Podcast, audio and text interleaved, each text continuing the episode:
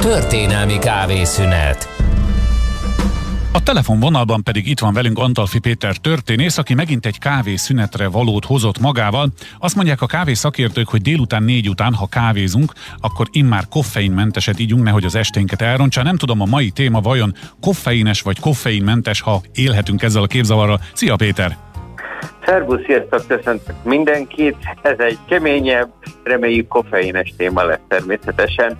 1781. május 18-ának a most az évfordulója, és hozzá kell tennünk, hogy a 18. század az nem csak Európában, és nem csak például a magyaroknál jelentett szabadságharcokat, esetleg már valamilyen korai nemzetébredést. Ez így volt a tengeren túlon is. Éppen Peru egyik legnagyobb lázadását, ami a spanyol uralmat akarta légázni, ekkor fejezik be, és 1781. május 18-án végzik ki azt a második fölvett nevű Tupac Amarut, akiből a modern kultúra és a dél-amerikai popkultúra egyik legendája is lett. Ugye azt szoktad mondani, hogy a, meg mások is, hogy a történelmet a győztesek írják. Nem lehetséges, hogy eme eseménysor kapcsán nekünk kizárólag a spanyolok részéről vannak információink, és a másik fél részéről kevés? Természetesen, a, ahogy egyre közeledünk modern korhoz, egyre több olyan információnk is van, ami nem csak a győzteseké, uh-huh. nem a győztesek írják a történelmet, hanem a történészek írják a történelmet, és a történészek időnként újra tudják írni, és hogy a történettudományból tudomány lett, egyre kevésbé a, a politikusok írják a, Hála és a győztesek írják a történelmet. Itt is például pontosan tudjuk, és erről magyarul is jelent meg. Egyébként a Szegedi Kispanisztik egyik nagy alapja Anderle Ádám erről adott ki külön monográfiát, ami a, a korabeli északirodalom legjobb színvonalán történt meg, ez uh-huh. a Vihar a Sierrában, de mi is történik ilyenkor? Azt tudni kell, hogy spanyol uralom van, de általában az Európa és a magyar olvasók nem látnak el Dél-Amerikáig. Hogyha indián szabadságharc, akkor gondolunk Vinettúra, gondolunk Ülőbikára, gondolunk a 19.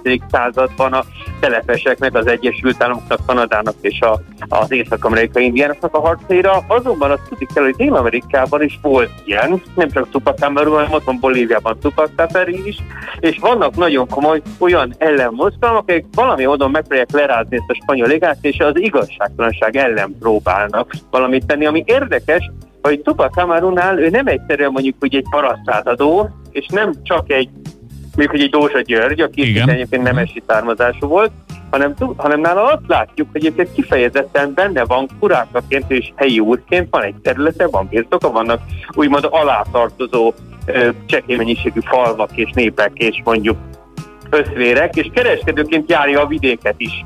Tehát egy rangos valakiről van szó, aki önmaga visszavezeti eredetét az inkákig, és a Tupac Amaru név az az utolsó inka király volt, inka uralkodó volt, akit 1572-ben kivégeztek a spanyolok, akik az utolsó inka utódállamnak volt az ura a Tupac Amaru név.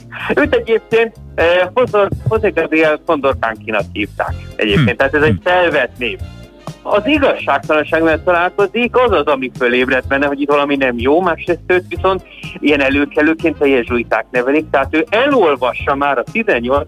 századi, úgymond Peru Indián, elolvassa azt, hogy mit írtak róla annak idején a krónikák, mit írtak az inkákról a krónikák, tehát ő benne nem egyszerűen egy mondjuk úgy provinciális öntudat ébredt föl, vagy egy nemzeti öntudat, vagy egy népönállóság, hanem benne van a korabeli, a 15. századi már fontos értelmiségnek a történeti tudata, hogy itt van nagy, nagy inka múlt, és egy, van egy nem spanyol múlt történelem hagyomány, és ő ezt mert még valamennyi latinul, valamint latinul is tud. Tehát ez benne fölébred. Tehát ő össze tudja hozni a hétköznapi tapasztalatot, mondjuk ugye azt, amit a spanyol gyarmati iskolákban tanul. Ami érdekes, hogy ez az 1780-81-es jelenség, ez a Bourbon reformok ellen is próbálkozik, vagyis amikor már Bourbon és nem Habsburg Spanyolországban próbálnak több adót kisajtolni ebből az egész területből, hát ha még lehet.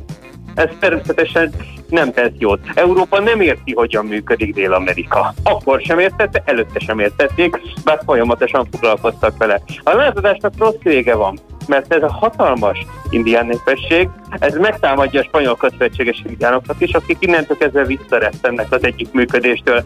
Sikerül hatalmas ütközetben néha megverni őket, vagy körülzárni Cusco-t, a spanyol csapatokat is megverni, de a túlerő természetesen ezt legyőzi. Innentől kezdve Tupac neve egy jelkép lesz, mégpedig a spanyolok és az európai hódítás elleni ellenállásé. Mindkét tupakamarut kivégezték, mindkettőt Kuszkóban a főtéren, és mindkettőt brutálisan természetesen. Nagyon durván akart büntetni a spanyol uralom, érezte valamilyen szinten a veszélyt, és innentől kezdve ő jelkép, innentől kezdve mindenki Tupac Amaru akar lenni. Innentől kezdve hmm. Tupamarónak hívják Venezuelától Argentináig a gerillákat és a lázadókat. A 80-as években volt Tupac Amaru gerilla front egyébként, aki a, a japán nagy követséget támadták meg, és túlszejtésbe is kerültek egyébként.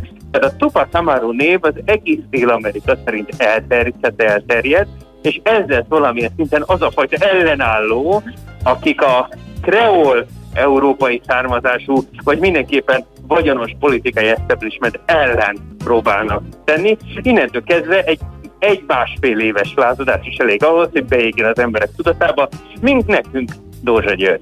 Igen, és hát nem véletlen, hogy a visszacsapás az olyan kegyetlen, amilyen, hiszen ezzel a hatalom azt üzeni, hogy ne, ne csináljátok azt, amit ez az illető csinált, és még egy tanulsága van talán így a végén számomra, hogy ez nem kifejezetten az alulról induló felkelés, hanem itt egy művelt elme, egy olvasott elme felháborodásának a következménye az, hogy elindult a harc, és nem pedig az, hogy a tizedből vagy a korbácsütésből elege lett néhány földművelő parasztnak, ugyebár?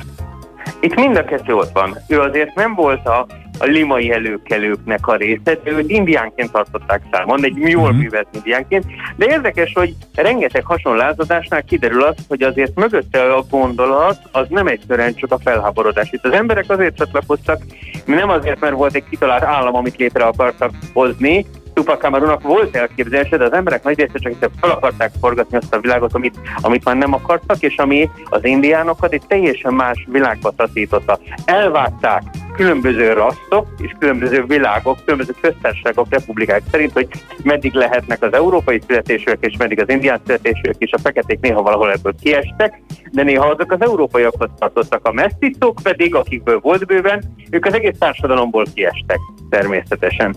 Ami nekünk érdekes, hogy Rákóczinál ugyanazt tapasztaljuk, bár a tenkes kapitány óta azt hiszük, hogy ez egy kuruclovas volt, Rákóczi és az ő tanácsadó és a szabadságharc vezetői egy sok nyelven olvasott, sok nyelven művelt, akkor európai szinten modern államkísérletet próbáltak megvalósítani, nem egyszerűen egy kuruclovas rohammal Magyarországot felszabadítani. Tehát ilyen szempontból látunk hasonlóságot itt is, hogy művelten próbálták elkezdeni a lázadást, amiben benne volt a társadalmi tapasztalat is. Hát innen pedig milyen szép ívet tudna venni ez a beszélgetés, ha nem egy kávészünetnyi időnk lett volna rá.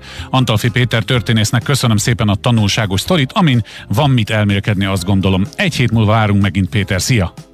Szerbusz, sziasztok!